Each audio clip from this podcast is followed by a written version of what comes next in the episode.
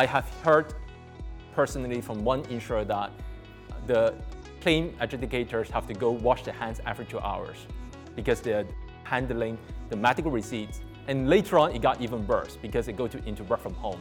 So how are you going to really deal with that uh, with the physical medical receipts? So technology transformation becomes extremely important to enable this work from home phenomenon, which is likely to last and become the new normal. Under the uh, COVID situation, we have seen uh, insurers from eight different markets who come to us and want to seek help on the technology solution.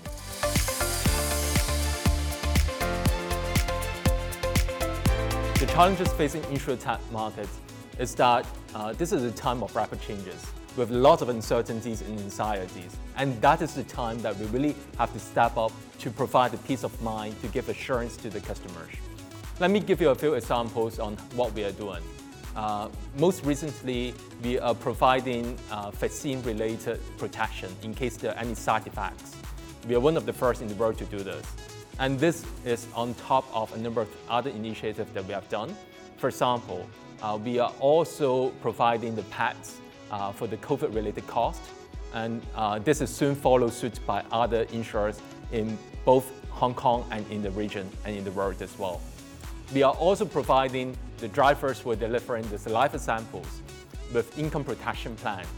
This is extremely important given that in case they got infected or go under quarantine, they'll lose the breath of the family. And I think that's how we serve our community much better.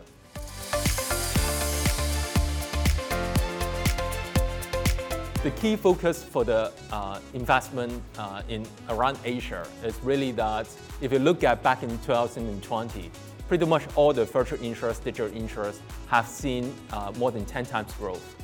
And even for other traditional incumbent insurers, the digital channel also have come up really strongly as well. So I think you know the uh, the entire e-commerce wave has really been proliferated uh, into the fintech area, in particular into insurtech. And that's where a lot of the investment are going into. So what we learned from the Asian Financial Forum is that there are a lot of discussion about being socially responsible. Okay, socially responsible investment, socially responsible actions uh, during this pandemic situation. How are we going to step up? And I think this is something that we all have to collectively do it particularly for the, uh, for the space of insurance, it is the space that you are aimed to give people the sense of security, the assurance, and that is what is really needed right now.